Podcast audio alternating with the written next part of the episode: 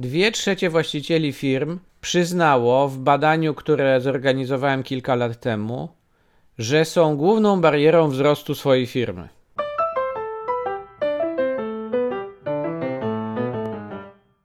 Niezapracowani. Podcast o sukcesie i wolności w biznesie. Zapraszam, Filip Nowicki.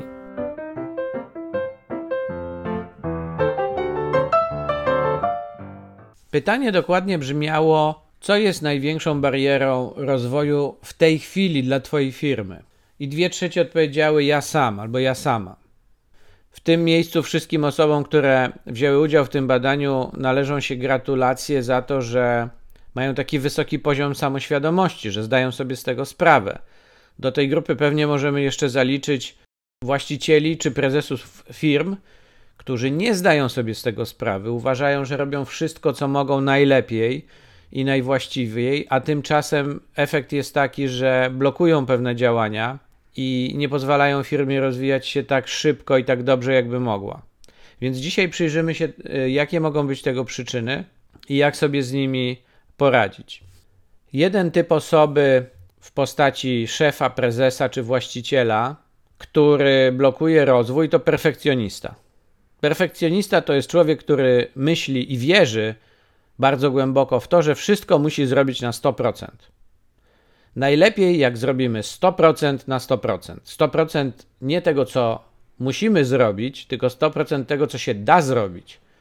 To są ludzie, którzy są zawsze niesamowicie zajęci, zapracowani, robią mnóstwo rzeczy, bo uważają, że żeby osiągnąć sukces albo pójść o krok do przodu ze swoim biznesem, trzeba zrobić wszystko, co się da. Tymczasem nie wszystko, co potencjalnie można zrobić, warto robić, bo nie wszystko przybliża nas do celu. Natomiast te osoby są tak skupione na tym, żeby to było idealnie zrobione, że prędzej sobie dołożą roboty, niż poszukają kogoś, kto ich w tym wesprze. Będą siedzieć tak długo nad czymś, aż w jego czy jej własnej ocenie ta rzecz, nad którą pracują, będzie idealna. No tylko, czy coś takiego jak ideał istnieje? Po pierwsze, zadajmy sobie takie pytanie. A po drugie, w rzeczywistości biznesowej, która jest szybka i rzeczy zmieniają się też w dużym tempie, czy to jest w ogóle nam potrzebne? Jaką mamy wartość e, z tego, że wykonamy jakąś pracę, jakąś, jakieś zadanie, na przykład jedno z wielu, super tip-top? kiedy nasze wyniki, nasze sukcesy są wypadkową wielu takich działań. To może lepiej skupić się na tym, co jest najważniejsze i postarać, żeby każda z tych rzeczy była zrobiona na 90% i zrobić to w dużo krótszym czasie, niż nad jakimś jednym szczegółem siedzieć po nocach i cyzelować to, żeby było na 100%. To oczywiście daje ogromną satysfakcję, tylko nie ma pewności, czy to nas przybliża do celu. Innym jest typ szefa Zosi Samosi. Zosia Samosia zna się na wszystkim najlepiej, więc zawsze robi to sama. No więc Zosiu Samosiu, może i znasz się najlepiej, może twoja ocena jest słuszna, ale praca, którą wykonujesz, ma w nosie to, kto ją wykonuje. Praca chce być wykonana. W związku z czym poszukaj wokół siebie ludzi, którzy mogą cię w tym wspierać. Co więcej, być może znajdziesz osoby, które w pewnych kompetencjach są lepsze od ciebie. I wtedy, pracując z y, zespołem takich ludzi, będziecie pewne zadania realizować szybciej albo osiągać znacznie bardziej ambitne cele. Więc zastanów się, Zosiu Samosiu, czy na pewno zawsze wszystko musisz robić y, sama, nawet jeżeli uważasz, że zrobisz to najlepiej. Znowu, wracając do tego, że może lepiej jest zrobić coś na 90% i iść do przodu, niż pracować nad tym bardzo, bardzo długo, bo jak wiadomo, w biznesie codziennie podejmujemy mnóstwo decyzji i znaczna z nich y, część, być może nawet większość, to są błędne decyzje. W związku z czym, żeby się rozwijać i iść do przodu, trzeba pracować na wysokiej częstotliwości, na wysokiej takiej iteracyjności, to znaczy robić dużo małych kroków i starać się odnajdywać tą najlepszą, najskuteczniejszą drogę do celu, a nie zatrzymywać się na każdym kroku bardzo długo i, i tam jakoś dogłębnie analizować, e, gdzie jesteśmy i co dalej. Innym sposobem na, na rozminowanie Zosi Samosi, tego syndromu Zosi Samosi, bo nie mówię tu o konkretnej osobie i przepraszam wszystkie Zosie, jest zadać sobie takie pytanie: no i co z tego, że znam się najlepiej? Jest pewna praca do wykonania, pewne zadania, które mają nam pomóc zrealizować cel. Musimy jak najefektywniej się zorganizować jako zespół, żeby do tego celu dotrzeć. I to, że ktoś w czymś zna się najlepiej, być może samo w sobie nie niesie takiej wartości. Po prostu trzeba wykonać wszystkie zadania i pójść do przodu. Kolejny, nazwijmy to delikatnie, suboptymalny typ szefa to strażak. Gaszę wszystkie pożary. Jestem tam, gdzie mnie potrzebują. E, jestem tam, gdzie jest najgoręcej, tam, gdzie się dzieje akcja. Nigdy nie wiem, e, budząc się rano, co dzień przyniesie i jak się zakończy, ponieważ e, to, co się dzieje w ciągu dnia, mnie zaskakuje. Wybuchają pożary, więc ja je gaszę. Nawet gdzieś usłyszałem taką opinię, że polscy przedsiębiorcy to są i polskie firmy to są najsprawniejsze brygady ochotniczej i straży pożarnej w biznesie w ogóle na świecie, ponieważ domeną ich działania i jakby esencją ich działania jest właśnie gasić te pożary.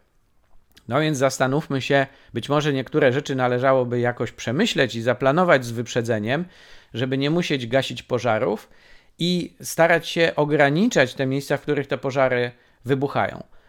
Pożary to są rzeczy, które z perspektywy firmy i z perspektywy zaplanowanych celów to są rzeczy ważne, naprawdę ważne, tylko takie, które się właśnie przedawniają. To znaczy termin ich wykonania minął albo za chwilę mija, więc musimy rzucić wszystko i zająć się tą sprawą, ale ponieważ to są tematy ważne, to to są tematy, o których wiedzieliśmy już od dawna.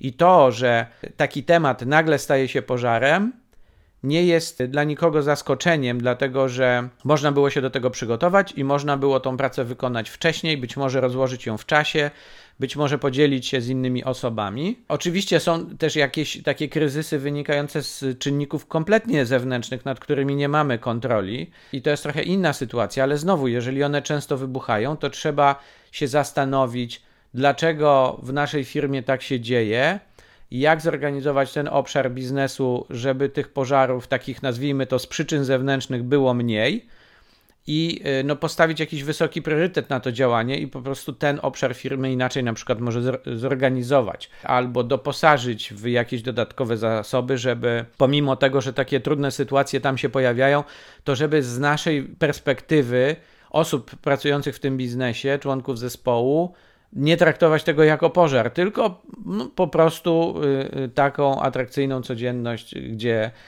y, zawsze pojawia się coś nowego.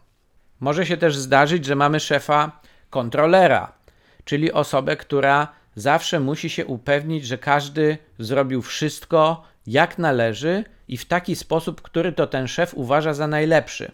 Więc taka osoba będzie poświęcać mnóstwo czasu na to, żeby sprawdzać, jak różne zadania są wykonywane. Drobiazgowa kontrola nie jest potrzebna, żeby kluczowe zadania mieć zrealizowane i żeby osiągać cele i osiągać rezultaty, które sobie planujemy. To za chwilę o tym powiemy, co robić, żeby, żeby pracować w inny sposób.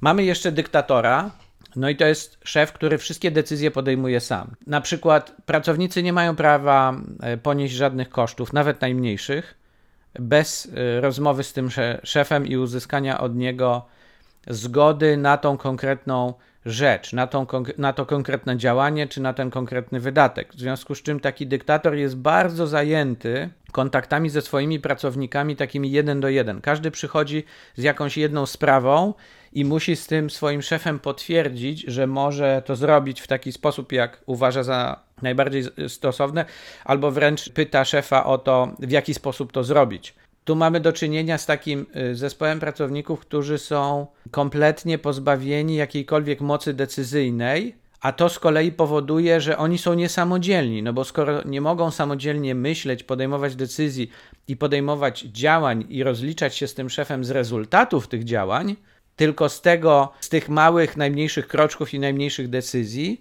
no to to nie wyzwala w takich osobach samodzielności i takiej też nie daje przestrzeni na to, żeby się rozwijać. Czyli taka relacja szefa dyktatora z tymi podwładnymi, takimi trochę poddanymi, ona się nie rozwija, ona nie ewoluuje. Ci ludzie się nie rozwijają. Jeżeli oni zaczną pracę w takiej firmie z takim szefem na bardzo podstawowym stanowisku, takim juniorskim, to tam zostaną. Mogą popracować kilka lat i nic się z perspektywy ich dojrzałości jako pracownika i samodzielności nie zmieni, no bo sposób pracy nie będzie dawał przestrzeni na to, żeby oni mogli się rozwinąć. Jak wobec tego można się temu przeciwstawić? Jeżeli wyczuwasz, że być może czasami jesteś jednym z tych typów szefów i po prostu trudno ci cokolwiek z tym zrobić, bo taka jest twoja natura, to można spróbować trochę ten swój odruch naturalny zmienić albo, że tak powiem, stłumić poprzez pewną sposób pracy i podejście do pracy i podejście do zarządzania firmą. I jest tutaj kilka takich elementów, które bardzo w tym pomogą. Pierwszy taki element to jest postawienie sobie celu. Takiego większego celu, na przykład na bieżący rok. Akurat teraz mamy początek roku, więc postawienie sobie celu, odpowiedzenie sobie na pytanie, co chcemy osiągnąć do końca tego roku. Jak już to mamy, to inny element, który tutaj pomoże w tym, żeby tłumić te, nazwijmy to, nie najbardziej e, efektywne zachowania, to jest dobrze przemyśleć swoje priorytety, swoje jako szefa. Czyli jaki jest zakres działań i poziom tych y, tematów i tych zadań, którymi ja się jako szef zajmuję. Co jest na tyle ważne, że ja osobiście biorę w tym udział, albo wręcz osobiście wykonuję pewne, pewną pracę.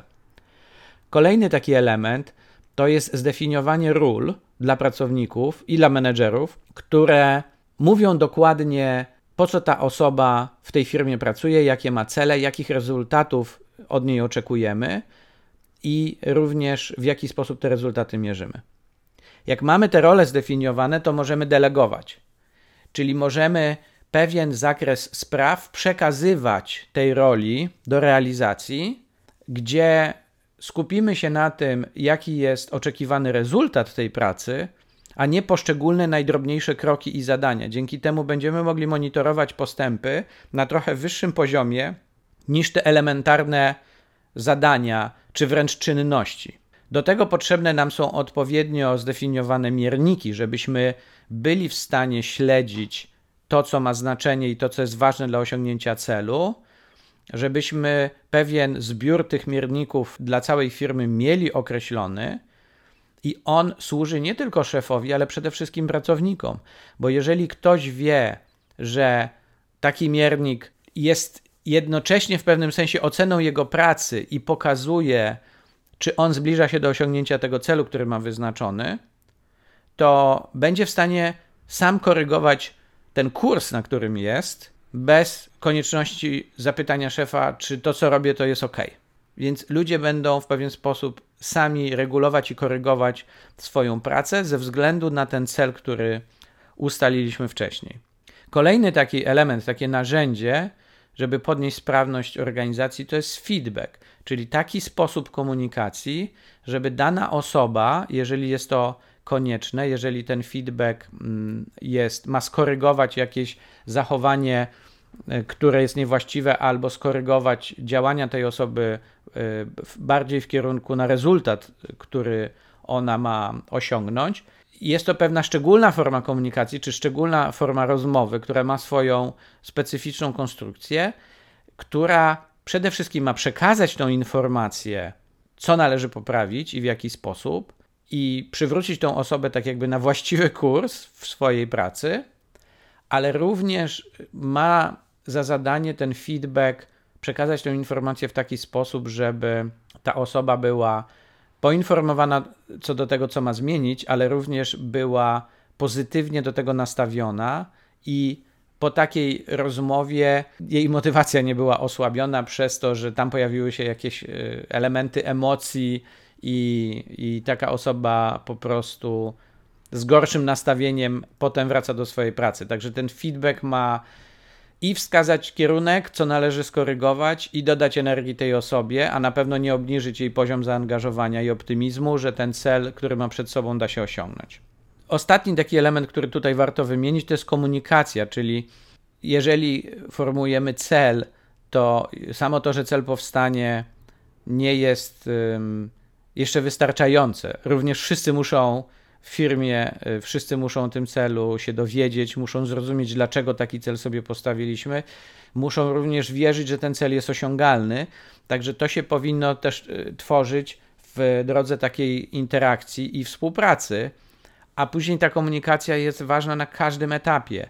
I bardzo często powstają różnego rodzaju sytuacje kuriozalne, niezrozumienie czy wręcz plotki w firmach, które wynikają z braku tej komunikacji, albo szczególnie dzisiaj, kiedy mnóstwo osób pracuje z domu, raczej niewystarczającej, nazwijmy to, intensywności tej komunikacji.